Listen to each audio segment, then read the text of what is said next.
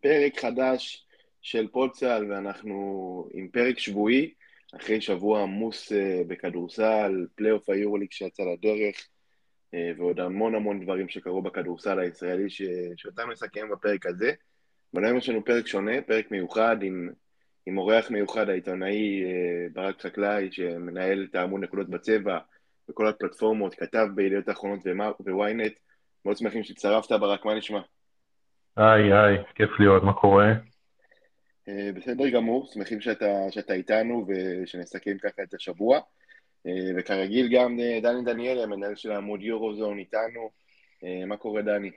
מצוין, מצוין, יאללה, בוא נתחיל, יש הרבה מה לדבר. לגמרי, ואנחנו מתחילים עם, עם מה שדיברנו עליו בעיקר בפרק הקודם. תל אביב למונקו שיצא לדרך השבוע. שני משחקים, אחת-אחת, ובגדול, כמו שכתבת דני, מכבי יוצאת בשבוע הזה עם, המ... עם המטרה, עם ניצחון אחד והביתיות שעוברת אליה. אמ, סכמו לי כל אחד מכם את המשחק, ברק תתחיל. הטק שלך לשבוע הזה של מכבי תל אביב, מה יוצאת לקראת השבוע הבא, ובכלל מה שקרה פה, שופטים, משחק וכולי. אמ, קודם כל, היא כן גנבה את הביתיות, ניצחון המשחק הראשון מאוד מאוד משמעותי, אבל בוא נדבר שנייה על המשחק השני, כי לדעתי זה גם הכי טרי וגם הכי מעניין. אמ, מונקו באה למשחק הראשון, כאילו היא חשבה שהולך להיות לה קל לדעתי, ומכבי באה מאוד מוכנה, מבחינת הפיזית והאגרסיביות, ובמשחק השני היה בדיוק להפך. מונקו גם עשתה שינויים, אה, שני שינויים מאוד מאוד משמעותיים בחמישייה, עם אה, וואטארה שנכנס במקום דיאלוג, וג'ורדן לויד במקום קובו, זה שינה לגמרי, אני חושב שחדש לא בא לזה מוכן, וראו את הפתיחה, אה, והאגרסיביות שלהם, אה, הם פירקו את מכבי, ולא סתם מכבי שיש עבירות טכניות והרחקות, אה, זה בגדול הסיפור של המשחק השני. אבל שוב, מכבי מודדת ניצחון אחד, ויכולה לסגור את הסיפור בבית באחד. קשה לי לראות את מונקו מנצחת באחד, בטח אחרי מה שהיה אתמול וכל הבלאגן. האוהדים יבואו בטירוף, וגם השחקנים. דני, מה, מה דעתך? אז לדעתי באמת, כמו שברק ציין, קטש קצת לא היה מוכן לחילופים בחמישייה של מונקו. צריך להגיד שבעונה שעברה, בסדרת הפלייאוף של מונקו נגד אולימפיאקוס, סשה אברדוביץ' עושה בדיוק אותו דבר. הוואטרה לא שיחק במשחק הראשון בכלל בפיראוס. עלה בחמישייה במשחק השני, ומונקו ניצחה שם ב-24 הפרש במשחק באמת uh, אדיר. אז uh, באמת אוברדוביץ' עשה את ההתאמות שלו, שהיה נראה שמונקו קצת לא מחוברת לקרקע במשחק הראשון. Uh, ונוסיף לכך באמת את השיפוט שהיה, ננסה להיות עדינים ולומר לא מהטובים שראינו לאחרונה ביורוליג, המון המון שריקות שנראות לא במקום בכלל, המשחק התלהט יותר מדי. אה, ומונקו מגיעה במטרה לגנוב משחק פה בהיכל, ואני אני כן חושב כמו ברק שהסיכויים כמובן לטובת מכבי תל אביב, אבל אני לא פוסל לגמרי אפשרות שמונקו גונבת משחק פה בחזרה. זו קבוצה שיהיה קשה מאוד להספיד אותה עם הכוח אש הזה של הגארדים ש... שאתה לא יודע למה לצפות, אתמול זה היה לויד, בהיכל פתאום יכול להתפוצץ הקובו מייק ג'יימס שעדיין לא הגיע לסדרה הזו. אז אה, הולכים להיות שני משחקים מאוד מאוד חמים בתל אביב. אני מסכים עם שניכם, אני חושב שבאמת מכבי בשורה התחתונה יצא פה עם מה שהיא רצתה לפני כן, וזה משחק אחד, וההכרעה עוברת ליד אליהו, שזה הדבר הכי משמעותי מבחינת מכבי בשבוע הזה.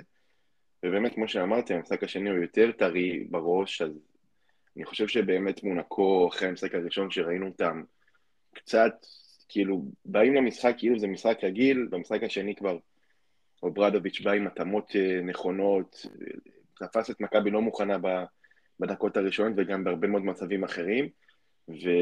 וכן הוכיח שהוא, שהוא מסוגל לעשות את ההתאמות ועשה התאמות מצוינות, ובנקודה המרכזית זה הקליעות לשלוש, שמונקו היא קבוצה שלא מצטיינת בהיבט הזה, אבל אתמול עם 11 שלשות ב-37 אחוז, ובאמת מונקו אתמול, אה, מעבר לשופטים ומעבר לדברים, בעיניי מונקו הייתה קבוצה יותר טובה על המגרש, ושיחקה אגרסיבי, ובהגנה לא נותנה למכבי לזוז ולהגיע לסל, מכבי באיזשהו שלב היו לה המון זריקות לשלוש, אה, הרבה יותר משתיים, ואני חושב שאם קאטה צריך להפיק לקחים במשחק הבא, אז זה גם קצת לנסות ולמצוא איזה שהן תבניות יותר נכונות מול ההרכבים של מונקו, כי ראינו נכונים בעיקר ברבע השלישי, ששוב, מעבר לשופטים היו פה גם החלטות של קטש ושל מכבי, שקצת העבירו את המומנטום למונקו ברבע השלישי. אה, נדבר רגע על, אה, על איש אחד במונקו, וזה מייק ג'יימס. מה אתם חושבים בינתיים על ההשפעה שלו בסדרה, ועד כמה בשבוע הבא יכול להיות משמעותי בשביל מונקו? הוא מנוסה במעמדים האלו, הוא מכיר את יד אליהו, הוא כבר קלע פה סתם ניצחון. ברק, עד כמה אתה חושב שהוא יכול להיות משמעותי בשבוע הבא בהיבט הזה של גניבת אה, משחק של מונקו, אה, ולהעביר בחזרה את ההכרעה למונקו? אני לא, אני לא חושב שזה תלוי כל כך בו. אני חושב שיש בעיה איתו מהרגע שבזמנו הזה שוט או לא מזמן, אה, וזה קצת ערער אותו, תמיד על התפר כזה. בוא נגיד את זה במערכת היחסים המאמנים ובכללי גם עם החברים של הקבוצה, ונראה לי שההשעיה הזאת קצת ערערה אותו, אה, והוא לא נראה טוב, אתה יודע, הוא, שלשות שלו זה משהו, אני לא חושב שהוא באחוזים הכי גבוהים שלו בקריירה, בטח במשחקים האחרונים, אה, הוא גם מכריח, הוא לא יודע אחרת, הוא מכריח, אני לא חושב שזה תלוי בו, דווקא תלוי בשני הגארדים האחרים, בלויד ובאוקובו יותר, וכמובן בהגנה של, של מונקו. כן, דני, מה, מה דעתך?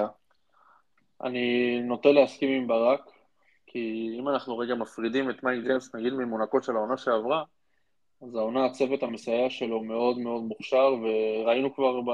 אתמול לצורך העניין, יכול לנצח את המשחקים לבד. כי מייק ג'יימס אתמול במשחק לא טוב, אה, עם 11 נקודות אמנם, אבל עם אחוזים לא טובים, 1 מ-7 ל-3, אבל אה, ג'ורדן לויד מתפוצץ והם יכולים לנצח. אני חושב שמה שכן מכבי יכולה לקחת מהמשחקים האלה, אה, בעיקר מהמשחק אתמול, זה אופי, שלמרות הפתיחה, מונקו פתחה את המשחק בריצת 11-0 מהדהדת, ומכבי הצליחה לחזור למשחק. לאחר מכן גם ברבע השלישי, איכשהו נפתח עם הפער שמונקו פתחה מחדש, עוד פעם מכבי הצליחה לחזור למשחק. אה, אני חושב שעוד נקודה חשובה זה שהגבוהים של מונקו רק עם חמש נקודות אתמול. מוטיונס עם ארבע ודון תיאול עם נקודה אחת בלבד. אה, שזה כן מראה על אה, מוכנות נכונה והגנה נכונה של הקו הקדמי של מכבי, כי בסוף לקבל רק חמש נקודות משני שחקנים שהממוצע שלהם יחד הוא 17, אה, יכול לשים את מכבי תל אביב, בטח בבית, בנקודת פתיחה מאוד טובה למשחקי הבית. אה, וקטש באמת צריך לראות, ראינו שהוא ניסה אזורית תוך כדי המשחק, גם אזורית אה, גילה, גם אזורית שמתחלפת לאישית, כדי כן להמר על הקליעה של מונקו. במשחק הזה זה לא כל כך עבד, ומעניין אותי באופן אישי לראות מה ההתאמות ההגנתיות שקטש יעשה למשחק הבא. זאת אומרת, אולי להפקיד את ג'רל מרטין על גארד, על מייק ג'יימס לצורך העניין בפתיחת המשחק בהיכל, שראינו אותו עושה את זה כמה פעמים העונה. אה, מה שומרים בהגנה, האם עדיין מהמרים על השלושות של מונקו למרות האחוזים הטובים במשחק אתמול. אה, אז כן, הולך להיות לא פשוט בכלל בהיכל, אני מסכים, אם חוזרים לדיון ההתחלתי, שמייק ג'יימס הוא לא הכל בקבוצה הזו, כי יש פה עוד שני גארדים מאוד מאוד איכותיים. רק אה, משהו קטן, אה, לדעתי בעיה מאוד גדולה של מכבי זה הסיפור עם פויטרס. אה, אני חשבתי שהוא יחזור מהפציעה ו... וכן יהיה בסדר, זאת אומרת, לא יפגע, לא יודע כמה יתרום, אבל לא יפגע בעיקר. ואתמול הוא היה, לא יודע, שיחק רע, הוא כאילו נראה מחובר לסגנון משחק הזה, ועיבודים שטותיים, ורגעים חשובים. מכבי בבעיה איתו, אני לא פוסל את האפשרות שקדש לא ייתן לו לשחק בכלל במשחק השלישי, אה, כדי לחזור כאילו לרוטציה ולהרגלים שהיו לפני שהוא חזר מהפציעה. אה, יהיה מעניין לראות מה הוא יעשה. ועוד דבר מאוד חשוב, בדרך כלל בסדרות כאלה, בכלל בפלייאוף, מאמנים באים עם אה, דברים חדשים. כזה משחק מוחות, כמו שאומרדוביץ' עשה במשחק השני. מעניין לראות מה קטש יעשה, אם בכלל. נכון, וזה באמת זאת שאלה גדולה לגבי היצירתיות של קטש, כי כמו שאתה אומר, בטוח יהיה פה כנראה משהו חדש שקטש יביא, ו- ולגבי פויטרס, אני חושב, דיברנו על זה בפרק הקודם, שאנחנו לא בטוחים עד כמה הוא ישחק, אז באמת בדקות שהוא, שהוא על המגרש, כן הוא מצליח מדי פעם לשים את הנקודות, אבל עדיין, כמו שאתה אומר, הוא נראה מנותק לגמרי מהסגנון שמכבי משחקת בו, הוא תקוע בתחילת העונה, לא באשמתו, הוא היה היה פצוע ואין לו את התיאום עם השחקנים, היו לו המון מסירות שהלכו לאיבוד באמת מחוסר תיאום עם, עם שחקנים אחרים. ומכבי באמת בבעיה פה, כי מצד אחד היא כן צריכה את ה size של פוית'רס, מצד שני הוא לא מספיק טוב לה, והוא לפעמים עושה הרבה יותר נזק מתועלת. והשאלה על, על ניהול המשחק של קטש, ובכלל כל מה שהלך בשני המשחקים הראשונים, אז דני, מה אתה חושב שהמפתחות פה של, של קטש למשחק הבא, איך הוא יכול להפתיע את אוברדוביץ', מה אתם חושבים ש, שיכול אה, לעשות את השינוי כמו שאוברדוביץ' עשה לו במשחק הזה? אני חושב שהשינוי היחיד אה, יכול להיות בעמדה 4, זאת אומרת, אם מדברים על רמת החמישייה, אני לא רואה שינוי, אה, שינוי באף אחד מארבעת השחקנים, אולי מלבד ג'יי כהן שבמקומו יעלה ג'רל מרטין. אה, שיהיה מופקד על אחד הגארדים, זה השינוי היחיד שאני, או איכשהו יכול לצפות, אני לא רואה שינוי אחר בחמישייה. אה, אני חושב שעודד חייב את אה, בונזי קולסון וג'רל מרטין במשחקי בית. חייב אותם, הוא קיבל אתמול מהם שש נקודות ביחד, זה לא משהו שאפשר לנצח איתו משחק פלייאוף, יהיה מאוד קשה. מרטין עדיין בסדרה הזו לא מחובר, אני לא יודע אם זה לחץ מהמעמד, כי זו פעם ראשונה שלו במעמדים כאלה באירופה, אה, אבל הוא לא נראה טוב. קולסון במשחק הראשון היה נראה מעולה, במשחק השני הכי רחוק אה, ממה שמכבי צריכה ממנו. והשאלה אולי באמת, אולי נראה יותר דקות של ליליארד במשחק השלישי והרביעי, כי באמת גם כשהוא עולה למגרש הוא נראה טוב, רואים שהוא מחויב, וגם רואים שהוא היה במעמדים האלה, זאת אומרת, הוא משחק אה, שקול, הוא לא מכריח יותר מדי, אה, קולע את השלשות שלו שצריך, הוא נכנס טוב לסדרה הזו, ואולי באמת נראה עוד דקות שלו. אני חושב שבעיקר במשחקי הבית אנחנו יודעים כמה ג'ון די תורם, אה, תורם לקבוצה, בין אם זה בפן ההגנתי וגם בפן ההתקפי עם שלשות וחטיפות שמובילות למתפרצות. אבל מכבי תל אביב כדי לנצח, גם בבית, זה שהמשחק בבית מבחינתי לא מבטיח להם את הניצחון, הם חייבים התעלות של שחקנים נוספים מלבד בראון ובולדווין, שבמשחק אתמול זה לא קרה. כן, אז אני, אני מסכים איתך, אני חושב שבאמת אה, למכבי ולקראת השני יותר מדי אופציות, מבחינת הפתעות, מבחינת דברים חדשים שיכולים להגיע, כי זה באמת בעיקר לשחק עם החמישייה, שגם שם לא בטוח שיש לקטש יותר מדי אפשרויות, כי את מרטין הוא מעדיף מהספסל, והוא מעדיף את העוד כוח אש הזה מהספסל, אבל אני מסכים עם הנקודה שג'רל מרטין ובונטי קולסון הם שחקנים מאוד משמעותיים מבחינת מכבי בסדרה הזאת, כי באמת מהצד השני למונקו אה, יש את הסוללת גארדים הזאת שמכבי בכל זאת בחיסרון של שלוש מול שתיים, ומכבי צריכה למצוא איפשהו את היתרון שלה, ומרטין וקולסון יכולים להביא את זה. בטח שאנחנו רואים מהצד השני ש... שגם וולוביץ' לא משתף יותר מדי את, מונקה והפורורדים שם לא כל כך משמעותיים בינתיים בלוסנגייט אז אני חושב שבאמת מרטין וקולסון, מרטין בעיקר נראה בהלם מהסדרה הזאת, אני לא חושב שזה לאו דווקא מעיד על האיכות שלו כשחקן, אני חושב שהוא בעיקר לא מבין לאיזה מעמד הוא הגיע, וקולסון במשחק השני באמת, כמו שאתה אומר, היה רחוק מכל מה שמכבי צריכה ממנו, והם יכולים להיות אה, מי שיכריעו את הסדרה באמת את המשחקים בשבוע הבא. אה, ברק, יש לך מפתחות שקטש שיכול להשתמש בהם בשבוע הבא, דברים שמכבי תל אביב יכולה לחדש. לחדש, אני אולי, שוב, זה לא ערובה לשום דבר, אבל אולי הייתי פותח עם אה, סורקין, כאילו 4-5 כזה, ביחד עם אה, ליבו, קצת לשנות. גם בחילופים, גם וכאלה, סורקין כן יכול לעמוד עם הגארדים. מייק ג'יימס למשל, מאוד מאוד קשה לו כששומר עליו אה, גארד ארוך, שגם מזיז רגליים, אה, אז זה דבר אחד. דבר שני זה ללכת למשחק הראשון ולהסתכל על המפתחות שהביאו את הניצחון. במשחק הראשון הם הגבילו את אה, מונקו לשישה ריבאונדים בהתקפה, שמונקו הייתה קבוצת הריבאונד הכי טובה ביורוליג, במשחק השני 11 ריבאונדים, 11 ריבאונדים, השלשות כמובן, בעיקר של השלישייה. אנחנו דיברנו על השלשות בכללי, השלישייה לא יודע, קובי וג'יימס כלו 8 מ-23 אתמול. במשחק הראשון הם כלו 2 מ-18. אה, פשוט לחזור לדברים מהמשחק הראשון, ואיכשהו, אני באמת לא יודע איך, אבל להכניס יותר את לורן ובראון לעניינים. הוא כאילו מסיים עם 16 נקודות, ו... וזה כאילו נראה בסדר, אבל הוא מאבד הרבה כדורים וקשה לו מאוד עם הפיזיות של הצרכים של מונקו. אה, זה בגדול. סבבה, אז אה, יש לנו עוד משהו להוסיף לגבי המשחק, משהו שעוד רציתם לדבר עליו?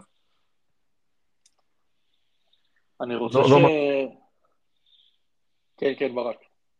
לא, אני אומר, אני, אני כאילו, חוץ מהשיפוט שדיברתם, באמת שלדעתי זה היה על סף ה- הפלילי, כאילו, אתה יודע, זה, זה, כן. כן, זה- זה- זה מה שהיה לדעתכם באמת, זה היה- באמת על סף אה, ועדת חקירה אתמול השיפוט? זה ברמה הזו? תשמעו, אני, בדקתי בפליי בפליי, כי לא האמנתי, סתם דוגמה, למכבי שרקו שש עבירות תוקף כל המשחק, למונקו אחת. עכשיו, זה לא, זה אין פה איזון, זה אפילו לא שתיים, ארבע, משהו יותר הגיוני. אה, חמש תכף למכבי, אני חושב שאולי יש אפילו שש. אה, שש, קאטה שש, שש. אחת למונקו, שהייתה במצ'אפ הזה עם אה, בראון ובולדווין בהתחלה. זה דברים, באמת, זה כאילו, כאילו זה היה נראה בכוונה. אה, בדרך כלל לא מתעניין לשופטים, זה היה הזוי. דני, עוד משהו ש- שרצית להוסיף, לדבר עליו? מבחינתי אפשר אה, להתקדם. אה, אני רוצה שנהמר. אני רוצה הימורים ל- אני חושב שלוש אחת. לסדרה הזאת. אני חושב שלוש אחת מכבי.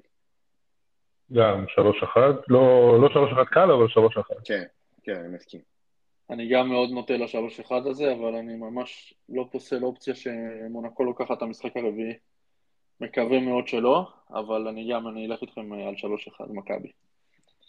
מעולה, אז אנחנו צביעים מאוד לראות מה, מה יקרה בשבוע הבא, אבל אתם יודעים, מיד אחרי שהסתיים המשחק הזה, עברה, עברה רבע שעה, ואז קרה משהו שגנב את כל הפוקוס. אז יש עוד סדרות ביורוליג, ויש סדרה אחת ש, שתופסת את, אה, את כל הכותרות, אה, נקרא לזה ככה, ופרטיזן בלגרד נגד ריאל מדריד. פרטיזן ב-2-0, אבל זה, זה לא הסיפור, ואתמול הייתה שם קטטה אלימה במגרש, אה, באמת, 21 שחקנים נראה לי הורחקו, 11 מפרטיזן, 10 מריאל, איפון של, של יבוסלה, באמת משהו שלא לא ראינו, על, בטח לא על מגרש יורוליג בשנים האחרונות או בכלל, אה, וניגע תכף בכדורסל של הסדרות האלו, אבל בואו קודם ניגע בדבר הזה, במה שצריך לקרות, וההשלכות שהיורוליג צריכים אה, להפיק מה, מהאירוע הזה. מה אתם חושבים על מה שקרה אתמול במשחק? אה, אני חושב שאנחנו מדברים כל הזמן על כמה אנחנו אוהבים את היורוליג ומשווים אותו לפעמים לדברים אחרים. אתמול זה היה ערב אה, עגום משהו למוצר עצמו. אני חושב שזה תמונות שאנחנו לא רוצים לראות. עם כל ה... כמה שעשו מזה צחוק ברשתות והכל, אנחנו לא רוצים לראות אה, 24 שחקנים הולכים מכות על פרקט. אה, ראינו שדנטה אקזום אה, נחבל אה, בצורה לא פשוטה מה... מהאיפון של אה, יבוסלה. אה, ואנחנו לא רוצים לראות את הדברים האלה. שוב, אני, בית הדין של היורוליג אה, הולך להתדיין אה, היום בנושא ולהחליט באמת מה, מה יהיה העונש של אה, מי מהשחקנים של שתי הקבוצות.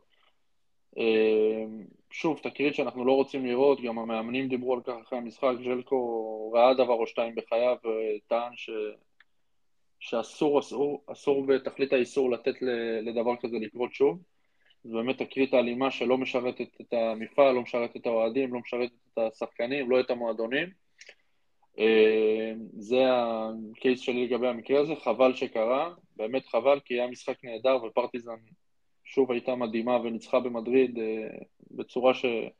שאני הייתי עם הלסת שמוטה ולא האמנתי למה שאני רואה מרמת הכדורסל.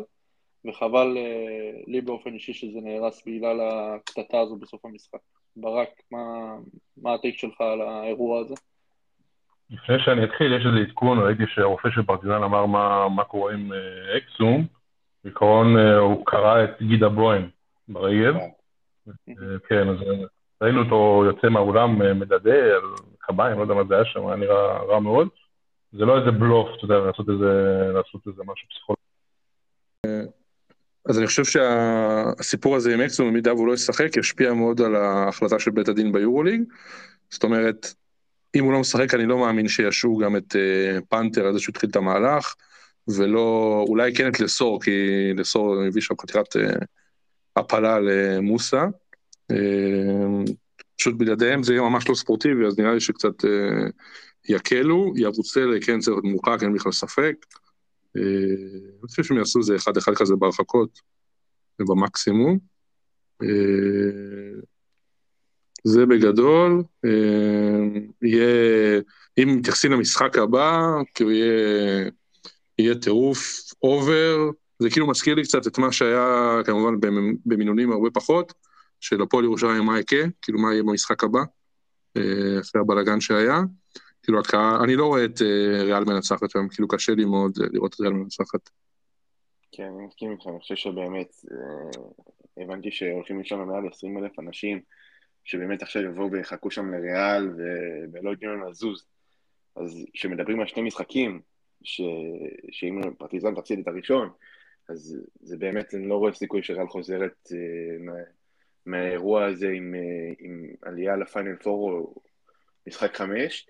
אבל באמת, אמרת, באמת היו, היו, פה שני משחקים שבאמת פרטיזן השיגה בהם כדורסל, שבאמת אפילו לא ראינו ממנה כל העונה, ולפעמים אומרים על הקבוצות של ג'ליקו, שזה הייחודיות שלו. אחת מה, מה, מהדברים המיוחדים שהוא עושה, שהוא מביא את הקבוצה שלו לשיא בשלב הזה של העונה, ובאמת אנחנו רואים ממנו המון דברים חדשים, אנחנו רואים שחקנים ש, שקופצים מדרגה בשלב הזה, אם זה פתאום פאפה פטרו שמצליח לבוא לידי ביטוי, סמיילי גיץ' מהספסל, באמת, ג'ליקו עושה פה, עשה פה שני משחקים מדהימים, שכמו שדני אמר, חבל ש, שבאמת מה שקרה, וקצת שוכחים גם מהכדורסל. אה, אבל דני, מה דעתך באמת על שני המשחקים האלו של פרטיזן, שבא ובאמת נתנה בראש לריאל מדריד ועולה פה ל-2-0 שלא חזינו? אם היית אומר לי בתחילת העונה שבסיומה פרטיזן תעיף בסדרה את ריאל מדריד או תנצח שתי משחקים בספרד, הייתי אומר לך ללכת להיבדק. אני כל פעם מופתע, מח... כאילו אני אומר כל פעם על ג'ליקו ש... טוב, הבן אדם לא קוסם, הוא מאמן כדורסל, אחלה, אבל הוא לא יכול, הוא לא יכול מכלום להפוך אה, קבוצה לאלופת אירופה, ואני פשוט נדהם מה... מהאיכות שפרטיזן משחקת בה. ואיך שכל שחקן מגיע למקסימום שלו, בין אם זה דנטה אקזום וננלי, שאנחנו זוכרים כמה מושמץ הוא היה פה במכבי, ואיזה עונה נהדרת הוא נותן, וכמובן מתיאס לסור, ופנתר ולידי. צריך להזכיר שהקבוצה הזו, היא כמובן עם חיזוקים מסוימים, כן, אבל השלד עצמו, אף בשמינית גמר אירוקה בשנה שעברה. אה, היו חיזוקים כמובן מאוד משמעותיים עם לסור ואקסום וננלי, אבל אני לא חושב שמישהו ציפה לראות את פרטיזן בתחילת העונה אה, מגיעה לפיינל פור, בטח לא עם היריבי ריאל מדריד. והניצחונות במדריד היו כל כך משכנעים, גם במיוחד במשחק השני, במשחק הראשון היה את הווינר של המדים של פנתר. במשחק השני פשוט שליטה מוחלטת מהרגע הראשון, אה, נגיד אדי טווארס אה, לא שיחק במשחק השני ועדיין פשוט מדהים, מדהים מה שפרטיזן עשתה בשני המשחקים האלה, וקשה לי מאוד לראות את אה, ריאל מדריד חוזרת לעניינים. ברק, מה דעתך על, מה שז'ליקו עושה פה בשני המשחקים האלו, על, על ה-2-0 הזה של פרטיזן, ובאמת הש, השינוי שהקבוצה הזאת עושה במהלך העונה, שהיא עכשיו באמת מגיעה לשיא שלה. קודם כל חייבים להתייחס לסיפור עם אדי טווארס, כי זה כאילו זה משנה את כל ריאל מדריד לגמרי, נכון. מבחינה בטח הגנתית, אה, הנוכחות שלו בצבע, שינוי זריקות, החסימות, זה... ריאל לא יודעת לשחק בלעדיו, כאילו היא לא, היא לא מצליחה ופרדידה ניצלה את זה עד הסוף, גם פוריה זה שהוא שיחק, זה בסדר, אבל הוא פצוע, כאילו יש לו, הוא עשה ניתוח אפנדצית לדעתי, לפני כמה זמן, זה היה המשחק הראשון או השני שלו, הם כאילו משחקים בלי גבוהים, הם שיחקו שם עם רנדולף בחמש, דברים שאני חושב שהיו עשו כל העונה, אז חייבים להתייחס לזה לפני שהם מעללים את אה, אוברדוביץ'. אה, ובכללי הוא כאילו, הוא החזיק אותם קצר כל העונה, כאילו אין פה שחקן אחד ש... שעושה איזה משהו שהוא לא יודע, או מנסה לעשות משהו מעבר לדברים האחרים, ובגלל זה הם כל כך יעילים. אפילו בוא, בוא נדבר קצת על ים, לא, לא הרחבנו עליו, אה, אבל מספיק להסתכל עליו ולהבין איזה שינוי הוא עבר ולהבין מה אוברדוביץ' עושה שם. כאילו ים היה שחקן פרוע בהפועל תל אביב, לחיוב אני אומר. היה שחקן פרוע ו... וזה היה המשחק שלו. ופה הוא יודע שרק אם הוא יתנהג כמו שצריך מבחינת הצורת משחק. ולא יעשה שטויות הוא יקבל דקות, וזה גם מועיל לקבוצה, היו שם כמה אסיסטים נהדרים שלו ב... כשהוא חזר בפעם השנייה לשחק, לסמיאליץ' וללסור, ו... זה הדוגמה הכי טובה. כאילו, גם אם הוא משחק מעט, אתה יודע שקיבלנו את התרומה, ו... וזה לכולם. כאילו, ננלי פתאום משום מקום, ו... ואברמוביץ' בכלל, אלכסה, שכאילו, מי זה? כאילו, לפני שהוא היה עם, עם אברדוביץ'. זה גדולה, באמת, זה, זה לא נתפס, הוא כמה רמות מעל כולם. לגמרי, והנקודה ש, שדיברת עליה, על, על, על טווארס, אני חושב שבאמת ריאל מדריד לא מצא את, הפתרון, ראינו את מטאו מנסה לחפש כל מיני הרכבים, כמו שאמרת, עם רנדולף בחמש, וכל מיני שיטות, אה, גם החזיר את פוריה, אבל בגדול, כמו שאתה אומר, פוריה פצוע, הוא לא כל כך כשיר, וריאל מדריד לא יודעת לשחק בלי טווארס, זה היתרון שלה, זה האקס פקטור שלה, זה מה שמבדיל אותה המון פעמים מהיריבות, וריאל פשוט לא הצליחה להתמודד עם זה, ומהצד השני, ז'ליקו ידע ובגדול איך להתמודד עם זה ואיך לנצל את זה, וגם, כמו שאתה אומר, הדבר הזה שהוא מצליח להוציא באמת מכל שחקן שעולה על המגרש, כל שחקן באמת תורם ומביא את החלק שלו, ולא משתולל, לא פתאום ששחקן מהספסל יבוא ויעשה מעבר לתפקיד שלו, וזה באמת כיף לראות, וכמו שאמרת על ים הדר, אז אנחנו באמת טעינו אם הוא ישחק בסדרה הזאת, לא ישחק בסדרה הזאת, כי אנחנו יודעים שג'ליקו יכול פתאום להדהים שחקנים, אבל אנחנו כן רואים שים הדר משחק, ב-12 דקות אתמול מהחמישייה, המשחק שלנו גם שיחק והיה טוב, ו, ובגדול כיף לראות את ההתקדמות הזאת של ים, כמו שאתה אומר, בבגרות, בעיקר ים הדר משחק משחק הרבה יותר בוגר היום, ו, ו, וזה לחיוב לגמרי. אני חושב שככה ים יכול להמשיך ולהתקדם ולהפוך לשחקן טוב יותר, והצבירת ניסיון הזאת מאוד משמעותית בשבילו. אמ, דני, מה דעתך באמת על היכולת הזאת של ים בשני המשחקים הראשונים, אמ, ועל השינוי שהוא בעצם עובר תחת אה, ג'לי קוברלוביץ'?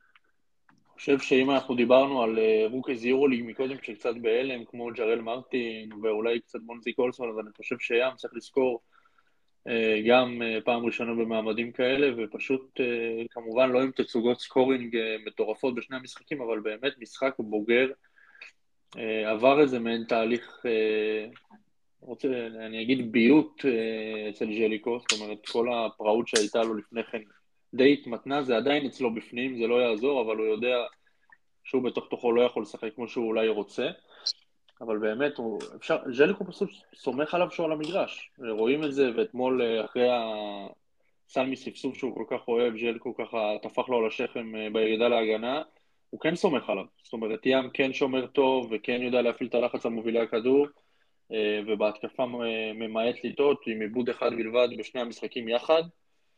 אה, וכן, ב-12-15 דקות בסדרה כזו, אה, ז'לקו יכול לסמוך על ים הדר. ואנחנו רואים שזה קורה ושים מחזיר לו עם הקבלות ושני ניצחונות. ואני מאוד שמח לראות את ים. אה, ואני חושב גם שנראה אותו כמובן אה, במשחקים הבאים, אני חושב שהוא יפתח במשחקים הבאים, ז'לקו אוהב מאוד לפתוח איתו בבית אה, את המשחקים. עוד נקודה שרציתי להוסיף פה זה הטיפול באבוסלה. אתמול ב-31 דקות הוא זרק זריקה אחת בלבד. אני לא זוכר מתי ראיתי דבר כזה מאבוסלה בכלל, לא בריאה, לא בווילרבן, לא, לא זוכר שורה כזו. שלוש נקודות בלבד בזריקה אחת מהשדה ב-31 דקות זה מטורף. אמ, מישהו מכם רואה את אה, ריאל חוזרת? לא, לדעתי לא. לא, אם טווארס לא משחק, אין אה, שום סיכוי. אם כן? אם כן, ובאמת, סתם לצורך העניין אקסו לא משחק ופנתר עולה סור, אז יכול להיות. יכול להיות שמנצחים משחק אה, שלישי, ואז הכל פתוח כאילו. זאת אומרת, בסגלים מלאים אין מצב שהם חוזרים. בסגלים, מה זאת לא, אם טבארס משחק אני חושב שיש סיכוי. אני אומר גם עם פאנטר ולסור אבל, בפרטיזן. כן, אני חושב שיהיה צמוד, זה לא, אם טבארס משחק זה לא ייגמר כמו אתמול. יהיה צמוד והכל יכול להיות.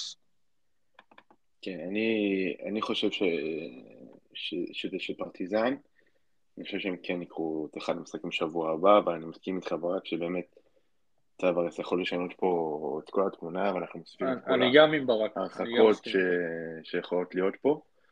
ויש עוד שתי סדרות, אז כמו שאמרנו, באמת הסדרה הזאת לוקחת המון פוקוס. ברצלונה נגד ג'אל גיריס, אה, יהיה משחק שתיים היום, אבל ברצלונה מנצחת במשחק הראשון בקלות, מהרגע הראשון עד האחרון, זה באמת ג'אל גיריס לא, לא כל כך הגיעה מוכנה לפלייאוף הזה. לא שיש לה כלים בעיניי, ברמת סט. ברצלונה גם שיחקה טוב, עשתה את הכדורסל שלה. וזה נראה שהיא תהיה בפיינל פור דרך בעיניי סוויפ. מה הרשמים שלכם במשחק הראשון? לז'לגיריס יש סיכוי לקחת פה משחק, מה אתם חושבים? אה, אני חושב ש... שוב, האמת, יצאתי מהמשחק הזה קצת מבואס שבסקוניה לא בפלייאוף. אה, כי עם כל משחקי הפלייאוף שקיבלנו עד עכשיו, אחרי המשחק הזה הייתה תחושה קצת של, אה, של איך ז'לגיריס הגיע לפה לעזאזל המעמד הזה. אני חושב שבבית אולי יש לה מה למכור עם הקהל והכל, אבל ראינו ההבדלי רמות, אני חושב, הכי גדולים מכל הסדרות, גם מהסדרה בין מקומות 1-8 של אולימפיאקוס ופנר, שנדבר עליה עוד מעט, ההבדלי רמות לא כאלה גדולים, ובאמת בסדרה בין ברצלונה לז'לגיריס אה, הפערים too much בשביל אה, לראות הפתעה של, של הליטאים. אני גם רואה את זה הולך לסוויפ.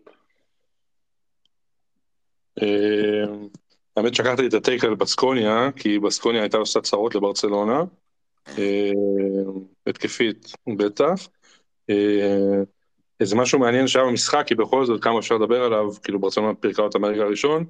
אה, ברסה שברה שיא של 18 שנים בפלייאוף של היורוליג, עם 21 מ-21 מקו העונשין.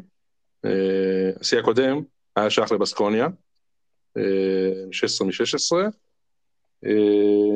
קצת, אה, כאילו כן מקצועי, ש"ס מכיר את הליטאים מעולה, מועדון שהוא התחיל, מכיר כל השחקנים, מכיר את המאמנים, כאילו זה לא... קל לו, כאילו מבחינת ההתכוננות למשחק, וראו את זה. אה, ברצלונה פשוט התנפלה עליה מהרגע הראשון, בסוף ז'לגירי סיימה את המשחק עם אה, שישה אסיסטים, שהממוצע שלו הוא לא גבוה, אבל הוא בכל זאת 14.4. כלה 2 מ-13 ל-3, לעומת 14 מ-26 של ברצלונה. לא כוחות, אה, לא רואה שום מצב שהם מנצחים היום. אה, אולי יהיה שלוש אחת, אבל לא מעבר לזה. כן, אני מסכים איתך, ואנחנו, יש, הסדרה האחרונה, הסדרה בין אולימפיאקוס לפנרבחצ'ה, המשחק הראשון, אולימפיאקוס מנצחת 79-68 בבית שלה, וגם היום היא משחק שתיים של, של הסדרה הזאת. ובאמת, כשדיברנו על הסדרה הזאת, לא כל כך ידענו מה נקבל מפנרבחצ'ה. וקצת הופתעתי לראות אותם, הם היו יותר טובים ממה שחשבתי, והפערים לא נראו כל כך גדולים.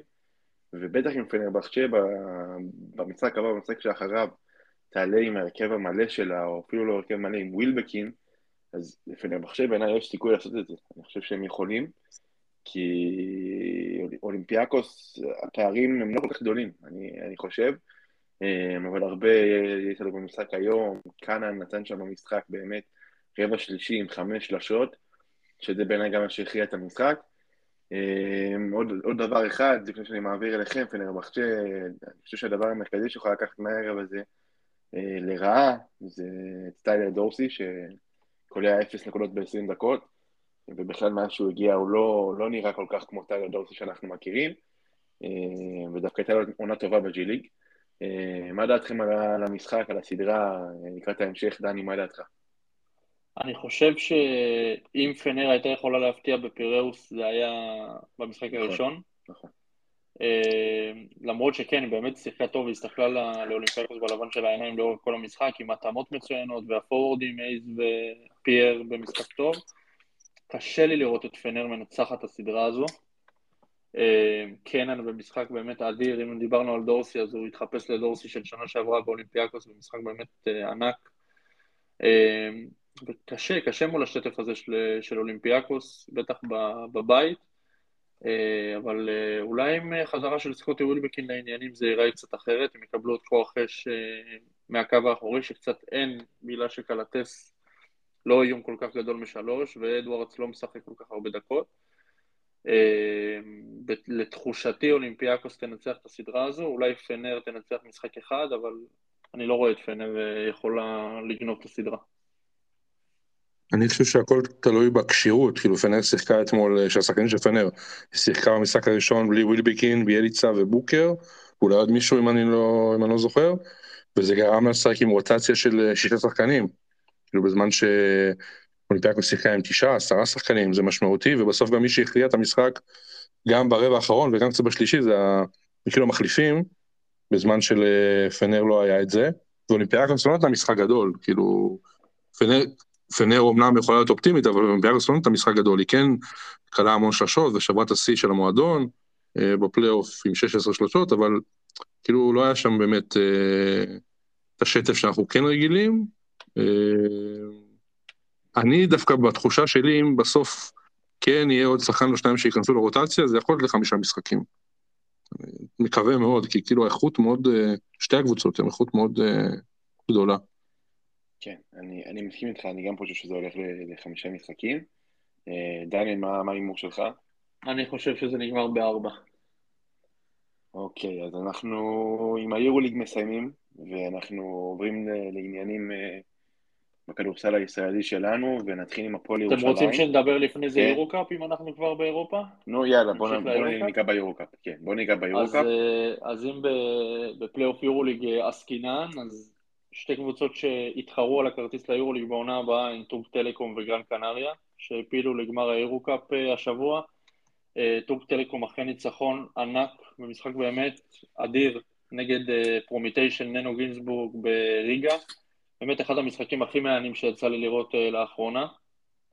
אה, נגיד הייתה בבית עם הפועל תל אביב, אה, עם המאמן האגדי ארדם ג'אן אה, אהובי, אה, ומהצד השני גרן קנריה מנצחת את חובנטות בדלונה שהדיחה את הפועל תל אביב ברבע הגמר אחרי באמת משחק וקאמבק אדיר שם של בדלונה בדקות הסיום בדרמה גדולה והן התחרו על הכרטיס האחד הזה ליורוליג, באמת המון שאלו גם לאורך כל העונה מה קורה עם הכרטיסים, זה שתי הפיינליסטיות מקבלות, רק הזוכה תקבל, אז גם היורוליג וגם היורוקאפ מוציאים טיזרים שהמשחק, שמשחק הגמר הוא בעצם על הכרטיס ליורוליג, אז לדעתי כבר ניתן להסיק שהפיינליסטית השנייה לא תקבל כרטיס, אה, שהסגנית כמובן לא תקבל כרטיס, ובאמת מצפה לנו גמר מטורף מול אה, באמת שתי קבוצות אולי הכי טובות מחוץ ליורוליג, כמובן יחד עם אה, מלאגה אולי אה, וטנריפה מה- מה-BCL.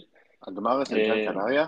הגמר, ב, כן, באיים הקנרים, אה, גרן קנריה סיימה ב, עם המאזן הכי טוב במפעל, בשני הבתים, זאת אומרת כל קבוצה שהיא הייתה פוגשת בגמר, הביתיות הייתה אצלה. אה, ברק, מה דעתך על, ה, על המצ'אפ הזה, על המפעל בכלל השנה, והימור שלך לזוכה? קודם כל אני מבואס בשביל הפועל תל אביב, כי העולות לגמר זה שתי קבוצות שהיא ניצחה, אה, אומנם בבית אבל ניצחה, אז קצת מבואס שלא לא העפילה בה מהרבע גמר. אה, תשמע, טורק טלקום זה, זה כאילו מבחינת האיכות שחקנים זה קבוצת יורוליג. אה, לדעתי הייתה יכולה להתחרות על כניסה לפלייאוף השנה, אה, אמנם אין לה סגל כזה רחב לעומת קבוצות יורוליג אחרות, אבל מבחינת האיכות שנגיד השישייה, השביעייה הראשונה, זה באיכות של קבוצת יורוליג, של פלייאוף יורוליג. אה, גרן קנריה זה בעיקר, אה, כאילו זו שיטה, זו אותה קבוצה מכל השנים האחרונות. אה, אני מקווה שטורק תיקח, גם כדי שתהיה עוד קבוצה טורקית, כי אני חושב שמגיע לטורקיה, אם לספרד יש שלוש קבוצות, ארבע קבוצות ביורוליג, אני מאמין שלטורקיה, שהיא הליגה לדעתי השנייה הכי טובה באירופה, מגיע שלוש קבוצות, זה גם יוסיף למפעל, אני מאוד מקווה שטורק ינצחו. אני מסכים, אני חושב שטורק טלקום היא באמת קבוצת יורוליג השנה, יש להם סגל מדהים, כמו שאתה אומר, השביעייה, השמינייה הראשונה שלהם באמת ברמה מאוד מאוד גבוהה. וגם בוא נגיד המאמן, כן, בוא, נגיד את השמות, שם. את הש... בוא נגיד את השמות כן. רק, אה, ג'ריאן גרנט ואקסל בוטל, אה, אה, טוני טיילור, טייריק ג'ונס, באמת שחקנים אדירים, ש... שבאמת יכולים לעשות קפיצת המדרגה ליורוליג בעונה הבאה, גם אם טורק טלקום חלילה לא יעלו, אבל אה, כן, איתם תמשיך. אני, אני מסכים איתך, אני חושב שבאמת טורק טלקום, אה, יהיה להם קשה לנצח בגן קנריה, אבל אה, אני כמו ברק מקווה שהם יעשו את זה, כי גם בעיניי להם הכי מגיע העונה מהיורו-קאפ. ואני חושב שבאמת, כמו שאתה אמרת, יש פה חבורה של שחקנים שגם אם טלקום לא תנצח, הם ככל הנראה יהיו ביורוליג בעונה הבאה, אבל אנחנו כבר שומעים על, על שמועות ודיבורים שקבוצות רוצות אותם. אה, ויהיה מאוד מעניין לראות, בטח שהגמר הוא באמת על הכרטיס ליורוליג, שתי הקבוצות, לא יהיו שני כרטיסים ליורו-קאפ, מעריך ככה, אז זה באמת יהיה מאוד מעניין לראות מה, מה יקרה שם, מה ההימורים שלכם. אגב, שנייה לפני שמתחילים, קצת על ה... הם שיחקו אחת מול השנייה פעמיים, אה, ובשני המשחקים קנריה ניצחה, אה, לא הפרשים גדולים, אבל יחסית אה, שבע הפרש לשחק הראשון בבית, וב-10, כן, 89-79 במשחק השני בחוץ. על, על פניו גרן קנריה מסתדרת עם טורק טלקום, אבל זה משחק אחד. אני עוד פעם, אני מאוד מקווה שטורק תעלה, כי מספיק עם הספרדיות ביורוליג, יש יותר מדי. כן, אז אה, אנחנו עכשיו נמשיך, נמשיך עם ספרדית אחרת פה אה, בכל הסיפור, והפועל ירושלים היא מקבלת אה, בהגרלת הפיינל פור של ה-BCL את טנריפה. דיברנו בפרק הקודם, אמרנו ש... שאולי עדיף את בון, אבל הפועל ירושלים, זה מה שיוצא לה בהגרלה, היא תשחק במשחק המוקדם, שש וחצי שעון ישראל במשחק הזה. ובאמת טנריפו זאת קבוצה שאנחנו מכירים מהשנים האחרונות ב-BCS, שיחקה בשנה שעברה נגד הפועל חולון, עברה את הפועל חולון בדרך לגמר. אה, ברק, מה דעתך באמת על ההגרלה, על המצ'אפ של הפועל ירושלים מול טנריפה, אה, והאם הפועל ירושלים עומדת לעבור את הקבוצה הזאת? משחק מאוד מאוד קשה, אה, ליגת אלופות, אם דיברנו על ליגת אלופות, אז טנריפה זה בעצם הפנים של ליגת אלופות. זכתה, מחזיקה את הגביע הנוכחית, זכתה פעמיים בגביע, הגיעה עוד פעם אחת לגמר, סך הכל ארבע פעמים בפיינל פור שם. היא קצת יותר עדיפה על הפועל ירושלים, גם כי זו קבוצה שרצה כמה שנים טובות, בטח השחקנים המרכזיים שלה, שרמנדיני, ווורטס, וססו סאלין. אה, טיפה יותר טובה התקפית מירושלים, אה, אבל זה כאילו, אם ירושלים תשחק בקצב שלה, בקצב האיטי, ב... בסגנון של ג'יקיץ', אה, יש לה סיכוי לא רע לנצח, זה לא קבוצה בשמיים, לא, אין פה הבדלים מטורפים. דני, מה דעתך? אני גם uh, מתחבר לדברים שברק אומר, אני חושב שיש פה איזו נטייה של, uh, של כמה אחוזים לטובת טנריפה, גם בגלל הניסיון, גם בגלל. ההיכרות שלהם אחד עם השני, גם בגלל רמת הכדורסל, שוב, הם משחקים כדורסל מדהים, ראינו אותם פה בארץ אה, העונה פעם, אה, פעם אחת מול אה, בני הרצליה במופע כדורסל, ובכלל, תנאף משחק כדורסל מעולה, קל בטוח לא יהיה להפועל ירושלים, זה בטוח, אבל כן, אני גם מסכים עם ברק ומתחבר לזה שזה לא בשמיים וזה אפשרי, אגב, כמו שזה היה אפשרי בשביל חולון בעונה שעברה. זה לא איזה יריבה שאתה אומר, טוב, אה, אפשר לקפל ו- וללכת הביתה, אפשר, ועם ההתאמות הנכונות של אה, ג'יקיץ', אפשר לנסות ולנצח את המשחק הזה ולהגיע לגמר. כן, אני, אני מסכים איתך, אני חושב שבאמת uh, טנריפה, הדבר העיקרי פה שגם נותן לה יתרון מהפועל ירושלים, זה הניסיון במעמדים האלו, כמו שברק אמר, זאת הקבוצה שהיא הפנים של המפעל הזה בשנים האחרונות, וקבוצה שרצה המון שנים ביחד עם... אה, אלופת העולם גם. עם וורטס, נכון, נכון. אה, ואלג'ין קוק שהצטרף, אז באמת יש פה באמת קבוצה ש...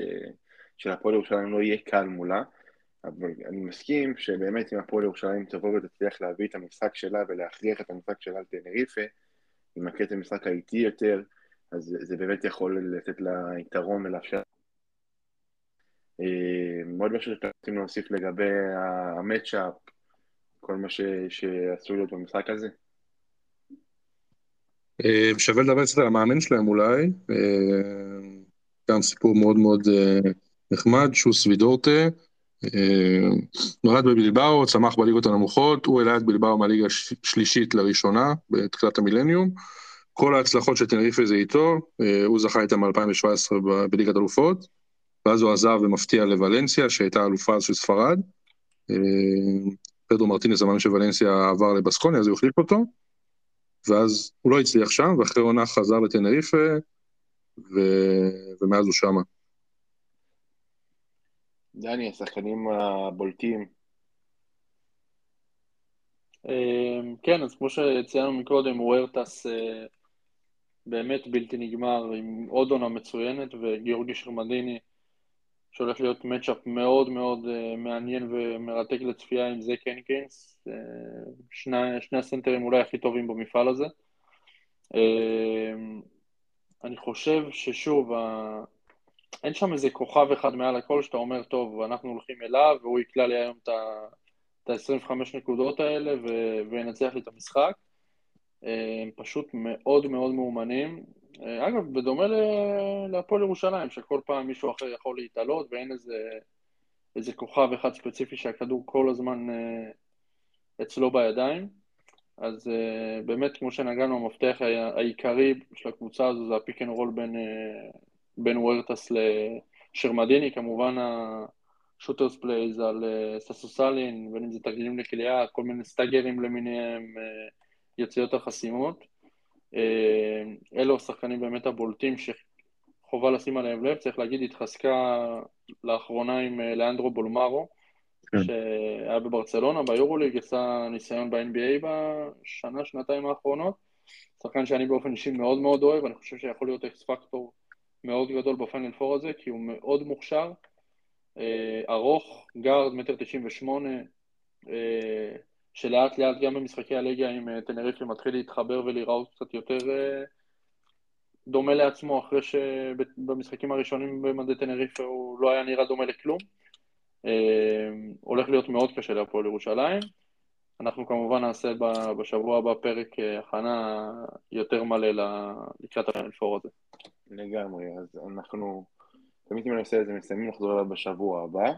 ואנחנו לקראת הישורת האחרונה בליגת העל, בליגה הישראלית, אה, ובאמת אה, מבחינת מיקומים, הרוב נקבע, הפועל גלבוע גליל. אני רוצה, הליגה... סליחה, סליחה שאני כן. עוצר אותך איתם, אני חושב שאנחנו חייבים כן. להתחיל עם, אה, עם הסיפור כן, של ארצי. נ, נ, נ, נדבר על ארצי עכשיו, ובאמת רק הקדמה לנושא הזה, שבאמת המיקומים נסגרו, הפועל גלבוע גליל ירדה ליגה, הרצליה ובאר שבע בפלייאוף, אמ, אבל יש, יש סיפור מאוד גדול בשבוע האחרון, וזה הפועל אילת והפועל חולון, שנתניה לארצי עובר מהפועל אילת להפועל חולון, ובאמת פתאום מתגלה איזשהו סעיף ש, שמשנה את כל התמונה, והסיפור כרגע מאוד, מאוד לא ברור מה קורה עם ארצי, מה עובר, לא עובר.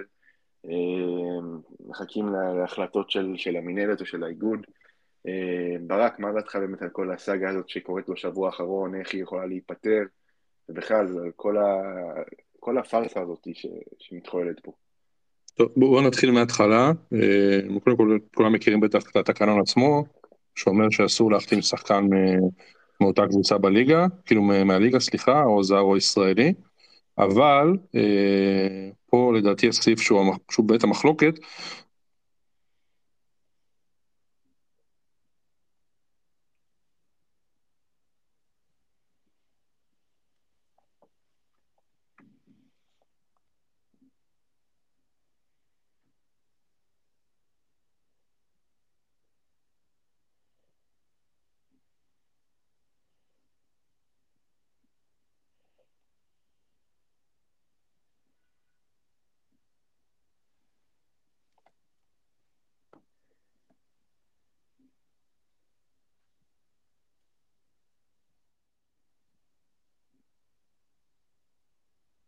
ברק, אתה איתנו?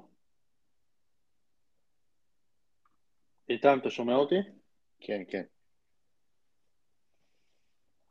יש לך עבודת עריכה על הפרק, אה? כן, זה בסדר. יהיה בסדר. ברק, אתה איתנו? אני איתכם, אתם שומעים אותי? עכשיו כן. כן, שומעים אותך, אתה יכול להמשיך מההתחלה. כן, מההתחלה על ארצי. ממש מההתחלה? כן. כן. אוקיי, סבבה. אז ככה, אנחנו, אני רוצה לחזור חזרה ממש ממש לתחילת העונה.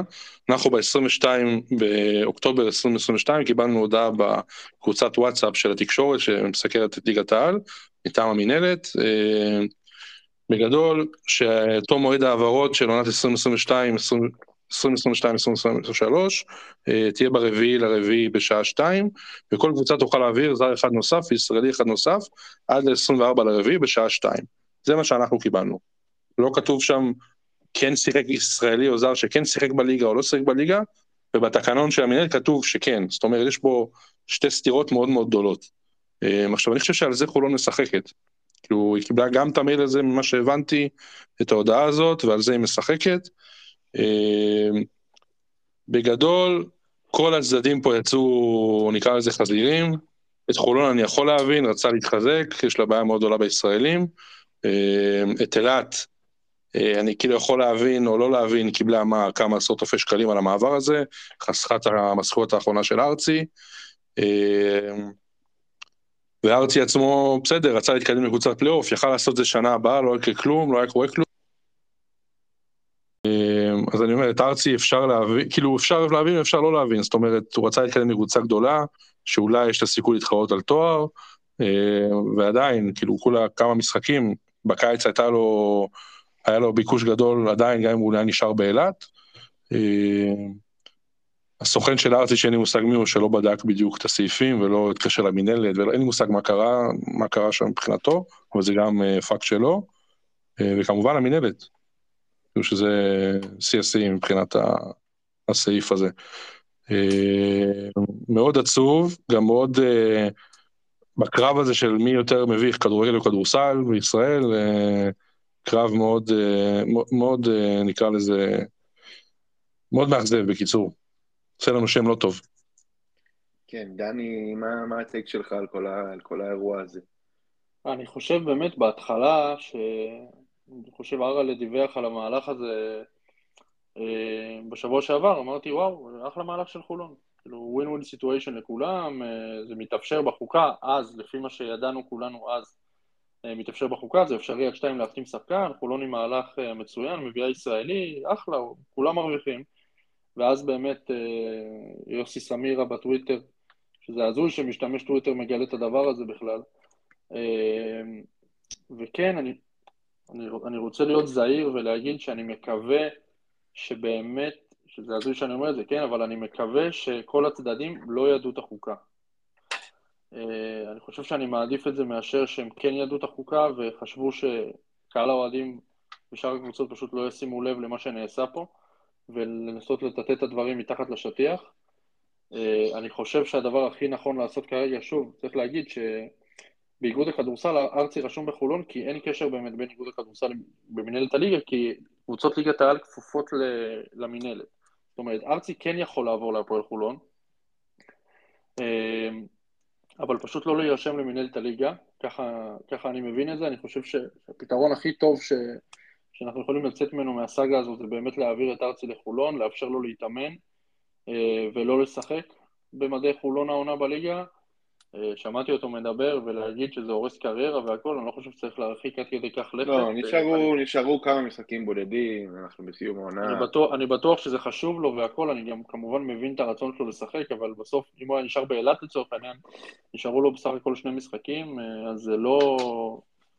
לא צעד, לא צעד הורס קריירה במיוחד, אני חושב שזו פארסה באמת מהגדולות שאני זוכר ב, בשנים האחרונות אצלנו בליגה, חבל שזה קרה, אני חושב שזה הזוי גם.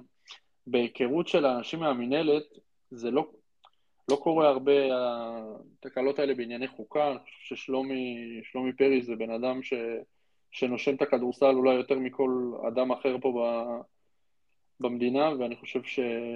שגם לא מותר לטעות, וזה כנראה מה שקרה כאן. אני לא חושב שהוא איש מקצוע לא טוב, רחוק מזה. הוא איש מקצוע נהדר, אבל באמת הייתה פה פארסה ענקית של, של מנהלת הליגה, של הקבוצות, של הסוכן.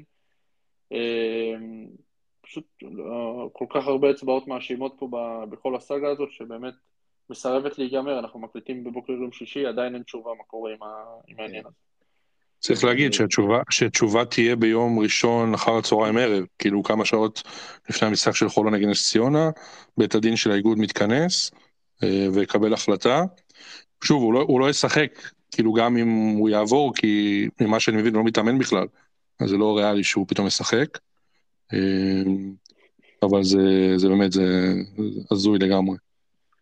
כן, אני, אני חושב שבעיקר יש פה המון טעויות מכל הצדדים, וכמו שברק אמר, הייתה פה איזושהי ידיעה כנראה של חולון, ש, שעליה הם מנסים עכשיו לדבר, שבאמת הם הבינו שעד הרביעי בשעה שתיים הם יכולים להחתים על שחקן ישראלי, ניצלו את הסיטואציה עם ארצי באילת, ועשו את המהלך הזה, ואז יוסי סמירה, כמו שדני אמר, מגיע עם, ה, עם התקנון ועם ה, עם הסעיף הזה שלא מאפשר את המהלך, ואני חושב שגם אם חולון לא ידעו, זה לא עכשיו מאפשר למהלך הזה להתקיים. כן, נכון, היה פה אי הבנה, אבל התקנון אומר ככה ו- ואין מה לעשות. אבל אני מסכים עם דני שבגלל שהאיגוד, שהאיגוד והמנהלת הם גופים שונים, והאיגוד כן ארצי יכול להירשם שם ואין עם זה בעיה, אז אני חושב שזה כן נכון לאפשר לארצי להגיע לחולון, להתאמן עם חולון אה, עד סיום העונה, ואני מאמין שאם הוא עבר עכשיו, ואם חולון הביאו אותו עכשיו, יש גם רצון לעונה הבאה. וארצי הוא ישראלי בכיר בשביל חולון, והפועל חולון היא קבוצה בכירה בכדורסל הישראלי, שארצי באמת יכול להיות מאוד מרוצה ממעבר אליה. אז באמת, מה שנשמע הפתרון, הוא לא יחזור לאילת לדעתי, אז בעיניי הפתרון כרגע זה באמת בשביל לסיים את האירוע הזה, כי כמו שברק אמר, זה כבר, אה, זה כבר לא, לא נעים, זה כבר מתחיל להיות מביך קצת, אה, אז צריך לסיים את זה. ואם זה נגמר ביום ראשון, בואו נקווה שזה באמת ייגמר ביום ראשון, אז אני חושב שלתת לארצי להתאמן בחולון ובעצם לתת לו להצטרף לשם, זה, זה הדבר שנשמע לי הכי הגיוני, באמת להיות חלק מהמערכת, להכיר את המערכת בחולון, לקראת העונה הבאה אם הוא יישאר שם. לי זה נשמע כרגע הכי הגיוני, ואני בעיקר מקווה שזה, שזה ייפתר, כי זה, זה באמת כבר מתחיל קצת מגוחך. אה, עוד משהו שיש לכם להוסיף על כל מה שקרה פה בשבוע האחרון? לא, אני חושב שאפשר להתקדם לקרבות המיקום, זה גם מעניין. אז באמת אה, הליגה, אנחנו, כמו שאמרתי מקודם, הכרעות כבר יש לנו אה, בערך, שגלבוע גליל יורדת ליגה, אחרי ההפסד להפועל אילת, אה, ובני הרצליה והפועל באר שבע מבטיחות את המקומות 7-8 אה, בעצם יהיו בפלייאוף. אה, ובבית העליון יש עדיין דברים פתוחים, אבל מכבי תל כנראה תסיים ראשונה. שאר המקומות כן עדיין יכולים להתבצע התוצאות, יש לנו את הפועל מול הפועל ירושלים במוצאי שבת. ברק, מה, מה דעתך, מה, מה יכול להשתנות בליגה לקראת באמת ישורת האחרונה של הפלייאוף והסיום של הבית התחתון. טוב, אז מכבי, קודם כל היא לא הבטיחה את המקום הראשון, יש עוד, uh, כאילו, צריך להבין, יש לי על מאזן של 21... ולהפועל תל אביב יש משחק חסר. 24, ומשחק חסר, הפועל עם 19-5, זאת אומרת ש... ומחר יש משחק להפועל תל אביב נגד הפועל ירושלים. אה, שירושלים עם 17-7. זאת אומרת שאם הפועל תל אביב מנצחת מחר, ובכלל מנצחת את כל המשחקים שלה, יש לה אה, ירושלים, נס ציונה ואז מכבי, מחזור אחרון, היא מסיימת במקום הראשון. כן, זה כאילו... כן, כן, נכון. לא שמתי לב שלהפועל תל אביב יש משחק קצר. כן, זה עוד יכול לקרות, אני לא יודע אם זה יקרה, כי הפועל תל אביב במומנטום לא טוב, אבל כאילו תאורטית זה יכול לקרות. אה, מצד שני, היא מפסידה לירושלים מחר, הכל פתוח על המקום השני, זה עובר למשחק אחד. אה, זה הקרב הגדול. קומות 7-8, הרצליה, פועל באר שבע נראה לי גם די הוכרע. כן, אבל אני חושב שעדיין יכולים לשלוט שם המיקומים. כן, וגם נס ציונה גליל עדיין, אה, הכל פתוח שם בחמש-שש. אה, לא יודע, אני כאילו בסוף חושב שבסוף ארבע הגדולות, אולי, כן, ארבע הגדולות יגיעו, מכבי, הפועל, תל אביב, הפועל ירושלים וחולון יגיעו לחצי גמר. הפועל תל אביב בבעיה, אם היא תפגוש את ירושלים, אז היא מאוד בבעיה, כי ירושלים מסתדרת די בקלות העונה. אה, אבל אם תפגוש את חולון אז זה עולם אחר. דני, דני מה, מה דעתך? בואו נדבר רגע על הירידה של גלבוע גליל. אה, דני, מה אתה חושב? אה, עונת בלהות, באמת עונת בלהות, ש... ששום דבר בה לא התחבר מאחרי המשחק בו היא ניצחה בשתי הערכות את גליל עליון בתחילת העונה, המשחק המטורף ההוא שאנחנו זוכרים. חבל, אבל שוב, גם אה, דיברו על זה הרבה שגלבוע חשובה לכדורסלן הישראלי והכל, ובפיק אנד רול אלפרין העלה לא מעט סטטיסטיקות של הישראלים בשבוע, שבאמת לא הצטיינו אה, לאורך העונה הזו אה, בפרט. יהיה לה קרב מאוד קשה בליגה הלאומית, אנחנו כבר נוכחנו לדעת שליורדות לא מאוד קל לחזור חזרה, אנחנו ראינו את מה קרה למכבי ראשון לציון העונה. אבל כן, בסוף זו ירידה שהייתה על הקיר, שיחקת הכדורסל הכי פחות טוב העונה עם אה, רכבת זרים אה, שמוחלפת, שבשונה מהפועל אילת לא הצליחה להוציא את הקבוצה מהבוץ, גם לא אריאל בית הלחמי, צריך להגיד, מאמן הנבחרת, מעניין אם ימשיך אה, לאמן בליגה הלאומית בעונה הבאה. אמ, זו דעתי על גלבוע, לגבי המיקומים, אני חושב שהולך להיות לנו אחלה פלייאוף, אני חושב שהסדרות, מי מהקבוצות שיפגשו את גליל עליון ונס ציונה אה, לא יהיו להם חיים, קלים בכלל, ואגב, גם בני הרצליה ובאר שבע צריך להגיד אה, שלא נספיד אותם כל כך מהר, כמובן שהם יבואו אנדרדוגיות כנראה נגד התל, אה, התל אביביות, או אולי ירושלים תפתיע במקום השני. אני חושב שמצפים לנו עוד בבית העליון משחקים אדירים, באמת גם עכשיו המשחק בין הפועל תל אביב להפועל ירושלים, יש לנו עוד דרבי בעתיד, אז אנחנו הולכים לקראת התקופה שאני באופן אישי הכי אוהב בעונת הכדורסל. חוץ מעונת המלפפונים. אה, פלייאוף, טירוף, אה, הכל על השולחן, ושרק נזכה לראות כדורסל טוב ומשחקים טובים. לגמרי. אה, ברק, יש לך משהו להוסיף לגבי הירידה של גלבוע? כן, הכתובת הייתה להכיר עוד מהקיץ. החלטה מאוד מאוד מוזרה לא להמשיך עם גיא קפלן ולתת לרמי אדר את הקבוצה.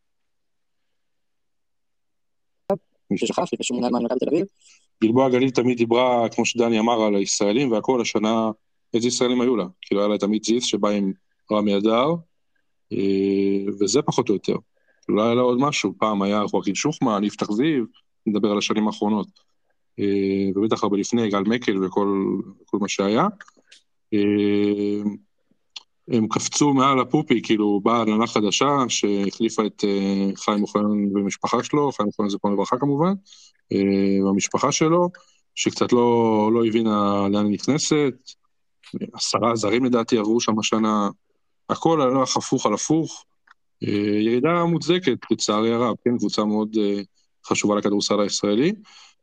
מצד שני, ליגה לאומית, זאת אומרת שיותר ישראלים ישחקו ויש להם אחלה מחלקת נוער, גם בוגרים שלהם פתאום יכולים לחזור לשחק שם בקבוצה הראשונה. אני חושב דווקא שהם כן יעלו חזרה, גם כי יש שתי עולות, אה, וגם כי מבחינה כספית, אני חושב שהם יהיו מעל, ה, מעל שאר הקבוצות. כן, אני מסכים עם שניכם, גלבוע גליל באופן מוצדק, הייתה הקבוצה הכי, הכי פחות טובה העונה, וגם כמו שברק אמר, הכתובת הייתה על הקיר, זה מתחילת העונה, גלבוע גליל לא, לא, לא התחברה, וכמו שאתה אומר, המהלך הזה של להחליף את, את גיא קפלן ורמי אדר, זה, זה, זה כבר התחיל איזשהו כדור שלג. אמ, ואם כבר ליגה לאומית, אז אנחנו נסיים עם, עם הפלייאוף שמגיע, יגיע לשיאו ממש בקרוב בליגה השנייה בטבעה בישראל, אז באמת חצי הגמר הולך להיות טירוף, כי באמת בשתי הסדרות ניצחון שווה עליית ליגה. אמ, מכבי רמת גן שניצחה את אה, רמת השרון תפגוש את אה, אשקלון, שניצחה את אה, מכבי ראשון לציון, הפועל עפולה שניצחה את, את מית רעננה. רעננה, נכון, הפועל הפועל שניצחה את רעננה פוגשת את אליצור נתניה שהדיחה את אה, נהריה. אמ, ניגע קודם ברמת גן נגד אשקלון, באמת אה, סדרה מאוד פתוחה בעיניי, אמ, אבל רמת גן עם יתרון די משמעותי, קבוצה בעיניי יותר טובה. אמ, מה דעתכם, מה ההימור שלכם, אה, לאן זה הולך? נעשה את ה... כן, ברק, תתחיל. אני חושב ש... רמת גן פיבוריטית מול אשקלון. אה, לדעתי בכל אספקט, כאילו גם מבחינת אה, מאמנים, גם שחקנים, גם אה, אולי ניסיון, ביתיות כמובן. אני מאוד מקווה שרמת תחזור לליגה אחרי המון המון מאוד שנים. יש שם פוטנציאל מאוד גדול. כמה שזה עצוב להגיד, אבל סיוע מאוד גדול מהעירייה מבחינה כספית, אנחנו עדיין שם, אנחנו, כדורסל לא ילך למקומות אחרים בשנים הקרובות מבחינת בעלות פרטית, לצערנו. אז תמיכה של עירייה זה מאוד חשוב. אה, בגדול אני חושב שהיא בפיבוריטית, לגבי הסדרה השנייה, אה, מקווה מאוד מאוד, שוב, אין לי שום דבר נגד עפולה, אבל מקווה מאוד מאוד שנתניה תעלה, זה פרויקט מטורף, כאילו, שחקן אמיתי שנכנס לשם, אה, אנחנו לא רואים דברים כאלה, בן שרף, בן 17, הוא מוביל קבוצה, איתן בורג, ויש עוד הרבה ישראלים צעירים אחרים ששחקים שם, זה מאוד מסכן לראות איך, איך זה ימשיך אם זה יהיה בליגת העל. אני מאוד מאוד מקווה שהם יעלו, אבל עפולה לא פראיירים, כאילו עפולה סיימה ראשונה לא סתם. כן. דני, מה דעתך? באמת אני מתחבר פה לדבריו של ברק על אה, נתניה. אני חושב שזה אחד הדברים הטובים שיש לנו בכדורסל הישראלי, הפרויקט הזה של עידן אבשלום ושחקן אמיתי. במיוחד, אני חושב שאם הם, הם אכן יעלו, קודם כל, בשונה מהעלייה הקודמת שהייתה אז עם גליל עליון, הם כן יממשו את העלייה, כי כבר יש אולם בבנייה, קצת יותר אה, מוכנים כמועדון לעליית ליגה ברמה הלוגיסטית, אני מדבר כמובן, וברמה התקנונית. אה, אני חושב, רוצה להעריך בזהירות מהדברים שאני שומע, ש... שאם הם יעלו ליגה אז אה, לפחות אחד מבין בורג ושרף יישארו שם גם בליגת העל בעונה הבאה, שזה משמח כמובן אותי בתור, בתור אוהד כדורסל ישראלי, ובכלל אני חושב שזאת הולכת להיות קבוצה מלהיבה, אם אנחנו כל כך אוהבים את אה, מה שקורה בגליל, אז גם נתניה יכולה להיות כזו. אה, עם אנשים באמת שמבינים שם כדורסל גם במאחורי הקלעים, עם אה, רובן נייברגר, שמצליח להגיע עם הקבוצה ליופי של הישגים. אה, אז כן, זה לגבי הסדרה עם נתניה, אני מקווה שהיא תהיה העולה, אבל שוב, סדרה פתוחה לגמרי. גם בצד השני, אכן רמת גן מעט פייבוריטית, עם הראל דדון ש... שהתחיל את העונה בהפועל חולון. הולכת להיות סדרה באמת אש, וכיף לראות את המשחקים של הליגה הלאומית, גם משחקי רבע הגמר היו פשוט נהדרים, וצריך להגיד שבאמת חצאי הגמר, צריך להתייחס אליהם כמו הגמר, כי בסוף הגמר הוא אה, כדי לחלק גביע, אבל העולות ייקבעו בחצאי הגמר אה, בסדרות הללו, ובאמת הולך להיות אה, כיף לא נורמלי. כן, לגמרי, אני, אני באמת חושב שהסדרה, הסדרות בכלל יחסית שוויוניות, כן, יש יתרון בעיקר לרמת גן, אני חושב שבסדרה השנייה זה די שוויוני, אמ, ובאמת יהיה מאוד מעניין לראות, כמו שאתה אומר, זה שני גמרים על, על כרטיס ליגת העל, שזה בעצם כל המטרה של הקבוצות בליגה הלאומית. אמ, ועם זה אנחנו מסיימים את הפרק שלנו יש, היום. יש לי משהו להוסיף, משהו? לפני שאנחנו מסיימים, קדימה, ממש אה, חם. חם מהתנור, הפועל באר שבע מוציאה הודעה רשמית שרועי פריצקי שבר את ידו, וואו. וקייטה אה, גמר את העונה, ייעדר לשלושה חודשים. אה, שתי מכות מאוד קשות להפועל באר שבע לקראת הפלייאוף. לגמרי, משמעותי, ועם הדבר הזה אנחנו מסיימים את הפרק. אה, תודה רבה ברק שהצטרפת, ובאמת אה, שנמשיך ליהנות מכדורסל, כמו שדני אמר מקודם, ואנחנו לפני באמת ישורת האחרונה המעניינת מאוד בליגה שלנו. תודה רבה ברק, תודה רבה דני, וניפגש בפרק הבא.